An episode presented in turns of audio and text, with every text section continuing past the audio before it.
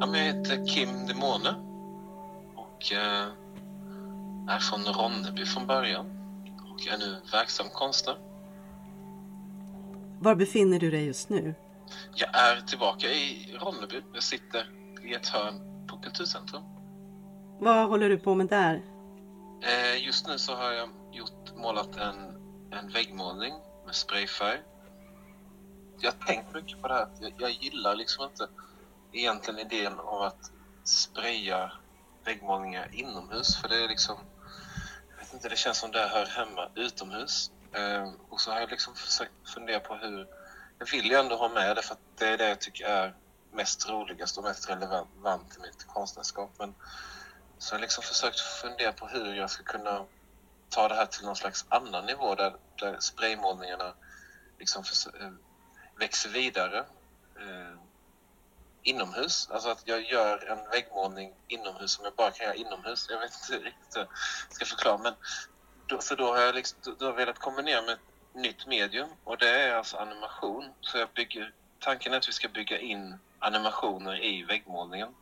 Där vi bygger in skärmar och av olika storlekar i själva väggmålningen då. Och eventuellt ha ljud till dessa då.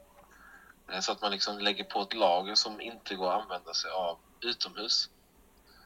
Helt enkelt rörliga bilder i den, den fasta bilden precis, på väggen. Mm, precis, men inte, inte, alltså, de rörliga bilderna ska helst... Det ska kännas naturligt att den rörliga bilden rör sig i målningen. Så då till exempel en klocka är ju en naturlig form som också rör sig. Men att man, jag, jag vill liksom inte ha det så att det är som en TV som har liksom en, en en nyhetssändning utan eh, jag vill, jag vill att det ska kännas ganska naturligt att det är något som rör sig i våningen. Så till exempel i det här fallet har jag en klocka och i en klocka så finns det en visare och den rör sig väldigt enkelt i klockan. Men sen så handlar utställningen om Human City och, och för mig är alltså namnet Human City kan, det kan vara frågeställning är staden vi lever i human? Är vi lyckliga av att bo i en eh, mänsklig stad? För det är ändå så att den staden vi lever i är uppbyggd endast för människan. Den är inte uppbyggd för djuren, den är inte uppbyggd för naturen, utan den är endast uppbyggd för människan. Och då är åter, frågeställningen återigen, är människostaden byggd för människan? Jag, jag undrar det. Om vi förhåller oss till staden som vi har den idag, är den byggd för att människan ska må bra i den? Eller varför är den byggd som den är byggd? Var kommer den här infrastrukturen ifrån? Jag behöver inte svara på den, utan det är bara en frågeställning som, som jag har. Så, så själva utställningen är byggd mycket runt, runt strukturen av en människostad. Alltså mycket hus, ett myller av hus, alltså hus överallt. Som egentligen tar över eh, roten till alltså vår värld och det är ju naturen. Det är, liksom, det är nästan, som ett, nästan som ett virus som, som ständigt det går sönder men det byggs nytt, det går sönder, det byggs nytt. Vi, vi, vi ständigt förtär vårt kretslopp genom att bygga, bygga och bygga en större människostad. Samtidigt som att det finns ju fantastiska möten och eh, ja, vad vore vi utan staden? Alltså vad vore vi utan alla dessa möten, alla människor som vi tycker om? Men, men samtidigt så är det någon slags, en slags negativ cirkel eh, av det här, allt det här byggandet. Eh, så återgå till den här klockan då, så istället för en, eh, och klockan är en del av detta. Tiden och, och som du och jag lever är alltid tidsbaserat. Och det skapar en viss stress hos människan. Så i den här klockan, istället för att det är en vanlig visare, så är det en man med, eller en individ med portfölj. Och hans skor är formade som, som två, alltså, eh, säger man klockvisare? Mm. Så han liksom, han liksom patrullerar runt, runt, runt, mm. runt, runt, runt, runt. Och det slutar aldrig. Eh, och det är lite så vår värld är uppbyggd. Att vi ska bara liksom gå mot målet hela tiden. Fast målet har egentligen aldrig ett slut. Mm. Så sådana animationer har jag gjort i då väggmålning och sen så är det, är det uppbyggt av massa städer då. Och då är det återigen det här att ja, helst nu ska vi ha en tumme upp i vår stad för att man ska man ska vara någon så ska man helst få massa tummar upp för att man ska vara någon. Det är alltid något nytt. Sen, antingen ska man ha en kavaj eller så ska man ha en, en hatt på huvudet eller ska man ha en mustasch eller så ska man ha en fin klänning eller ska man ha massa tummar upp. Eh, så, och i den här tummen, tummen då är också formad som ett ljus som smälter. Där tummen är halv då och sen så är det en flamma som brinner i tummen. Och den är också tänkt att vara animerad. Det är också en väldigt enkel animation. Mm. Men det skapar en viss rörlighet i det här 2D-landskapet som jag oftast då ritar i. Mm. Det, det är uppbyggt av linjer. Eh, linjer som ofta kan kanske man kanske kan känna igen sig i, i tecknade serier eller i eh, så. Mm. I utställningen, är det um, skulpturer också eller är det just vägg? Ja, det är just mest fokuserat på väggar. Ja, även projektioner är också på väggar. Så. Men däremot har vi, byggt, har vi också byggt väggar för att kunna måla på väggar. För det, det här rummet är ju som ett, ett rum som har fyra väggar. Och då har vi byggt som en kupol i mitten också som är, ja, det är faktiskt inte en kupol utan det är en, en slags katedral. Som jag också då målar väggmålningen på. Så vi hade, vi hade inte tillräckligt med väggar så vi fick bygga nya väggar kan man säga. Är, är utställningen sån att det är många olika verk eller, eller ser du på det som att det är en helhet, hela, hela utställningen?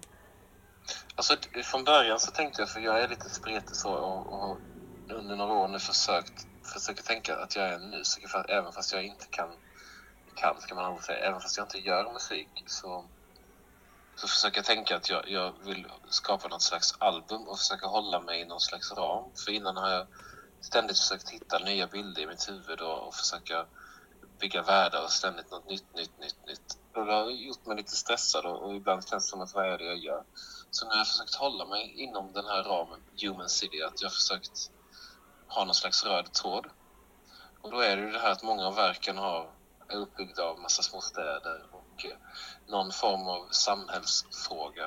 Eh, till exempel, vem är det som stryper träden? Eller vem är det som, som stryper folket? Och vill vi ha en polisstat? Eller eh, var kommer vi ifrån? Och eh, eh, ja, vem är det som har makten? Så många sådana här samhällsfrågor som är kanske ganska självklara men vi, ibland kanske vi inte ställer oss frågan vem det är egentligen som, som bestämmer. Som ständigt då ser till att vår stad växer och växer och växer. Eh, Mm. Men har de här eh, olika delarna i utställningen sådana namn då som du just nämnde? Frågeställningar av olika slag eller? Mm, ja, men alltså det finns, jag tänker direkt nu direkt, det finns två olika serier. Det finns en serie som jag har målat plåt. Jag, jag har hittat plåtar som är eh, vikta. De är jätte, alltså man kan se att det är ett gammalt hantverk. Men jag har hittat dem Mhm. i ett övergivet hus. Och då hittar jag ja, men nästan tio fyrkantiga plåtar. Och eh, det är ofta så att jag, jag, jag, om jag får välja en plats att vara på så är det just övergivna hus eller rivningsobjekt där man kan se att då det vi pratar om att det här huset har byggts en gång men sen helt plötsligt så har det här huset inget värde. Även fast man har valt att hugga ner träd, man har liksom man har plöjt en mark för att bygga ett hus eh, av en ekonomisk funktion. Men sen så har man valt att när inte det gynnar ekonomin längre så kan det få förfalla eller så kan man bara riva det för att bygga något nytt. Eh, och de här platserna är perfekta att måla på. Man får vara i fred, eh, det är ingen som, som säger att här får inte du vara och man får sin tid att, att träna på sin sprayburk. Söker du alltså upp sådana här ställen och eh, har som en tillfällig arbetsplats eller? hur? Absolut. Det är inte en plats, det är flera olika platser. Men Mm. när man hittar en sån här plats så är det, det är verkligen toppen av, vad brukar man säga? Toppen av gräddberget? Nej, jag vet inte om man säger så. Men det är i alla fall en, en väldigt, det är en favoritplats. Så då att jag har hittat saker från ett sånt här hus så har jag tagit dem och eh, målat väggmålningar, alltså jag har ritat av väggmålningar som jag gjort under 2020 Mm. som inte längre finns. Eh, Eller som är målade då på övergivna väggar. Liksom. Så jag har reproducerat dem på dessa bitar som jag då hittat. Och till dem har jag en liten text och en liten bok med bilder på verken på väggarna då. De första målningarna som jag ritat av. Mm. Man kan säga varför ritar han av målningar? Det är, så, det är för mig väldigt svårt att göra en... Det känns som att när jag får måla med sprayburk på en vägg så är det, då, då får jag liksom göra den målningen så som jag vill måla. Men när jag ska sätta mig i min studio och måla på en, en eh, tavla då blir det inte riktigt samma... Alltså en målning kan man göra på några ynka timmar utomhus men en målning inomhus, alltså det tar så lång tid att man nästan aldrig blir färdig känns det som. Eh, och, och då tycker jag att lite av eh, uttrycket försvinner. Varför blir det så? Att det... Ja, det finns massa, eh, man blir så distraherad av att sitta inomhus. Man står helst inte upp, man kanske sitter ner, det kanske finns en kakbit, kaffe, alltså det finns så mycket som man kan bli distraherad av. Men går man ut så finns det ingenting i närheten. Och så är man själv och man måste bli färdig. Alltså, man målar oftast inte en vägg och sen så cyklar tillbaka dit och gör den klar. Det är något man har byggt in att man mm. när man kommer till den här platsen så när man lämnar så är man färdig liksom. Och det är lite skönt att man, man har skapat en slags deadline som man måste eh, man måste hålla sig till. Mm. Men i sin studio så är det ju ingen som, alltså då kan du sitta där hur länge som helst egentligen. Lite svårare att ge sig själv regler då. Så det är därför jag har valt att, att kopiera den här. Som ändå inte längre finns och som jag ändå inte kan ja, visa. Liksom. Jag kan egentligen bara visa det på en dum liten telefon. Eh, så. För det är ingen direkt som besöker de här platserna. Ja, man kan ju visa dem såklart i printad form och därför har jag ju då gjort en liten bok också. Men det var lite så roligt att gå emot sina ideal att rita av en målning. Det kändes lite konstigt men det blev faktiskt ganska bra, tycker jag. När du beskriver om hur du arbetar när du arbetar utomhus så låter det som att bilden är inte bara, blir inte bara en bild utan det blir liksom en händelse. Det, det får en, en, ja, en sån avgränsning i tiden så att det blir som en handling. Ja, man, man, mm. man packar sin väska, man tar på sig sina smutsiga kläder, man cyklar ut kanske ganska tidigt på morgonen när alla sover och, och så, så blir det liksom en liten, ett litet eget äventyr där man också får en paus från den här staden som ständigt eh, ifrågasätter vad man gör och vad man ska och hur man gör saker. Ja, men ständigt liksom. Så det, det blir lite som en, en, liten, en liten flykt från tillvaron faktiskt. Mm. Och att man är på en plats som då oftast ingen besöker. Eh, möjligtvis råttor, kanske lite kackerlackor och en annan eh, krokig gammal herre på sin cykel. Jag vet inte, som går och letar efter skrot. Eh, men det är lite så här, och så vet man aldrig vad som lurar bakom nästa vägg liksom. Så det, det är lite, både lite spänning men, men främst ja, en, en en liten eh, escape från tillvaron. Mm. En lite annan publik än på en konsthall kanske? För de ja, det är bilderna. ingen som tittar. Mm. det, det, är, alltså det är det som är det bästa. Det finns ju noll press. Det är ingen som... Alltså det, det är ett väldigt fåtal som kommer se din målning. Och det är väldigt befriande att bara måla för sig själv och inte för någon annan.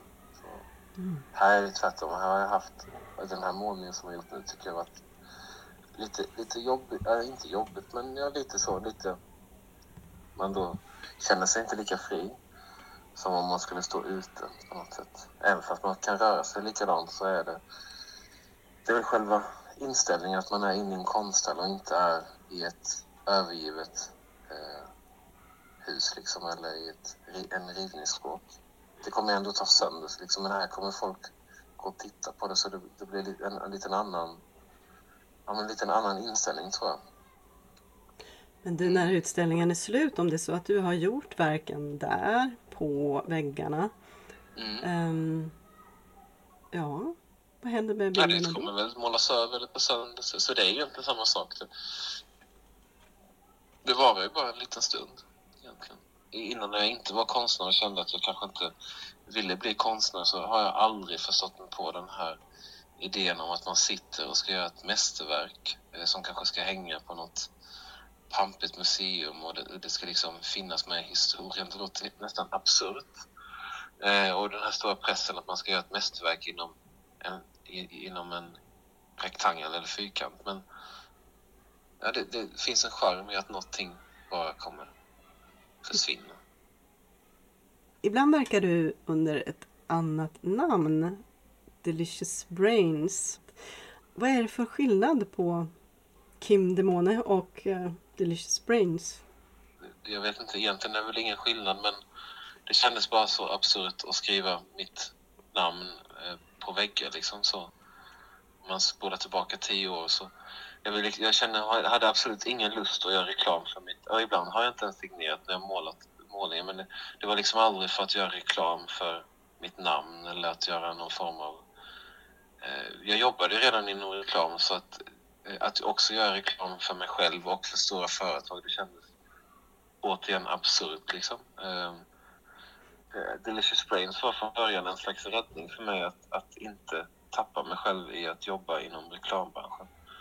För jag kände att jag ständigt blev eh, Utnyttjad kan jag inte säga att jag blev för att jag, det var jag själv som hade skrivit på kontraktet och eh, kontraktet låter som ett djävulskontrakt.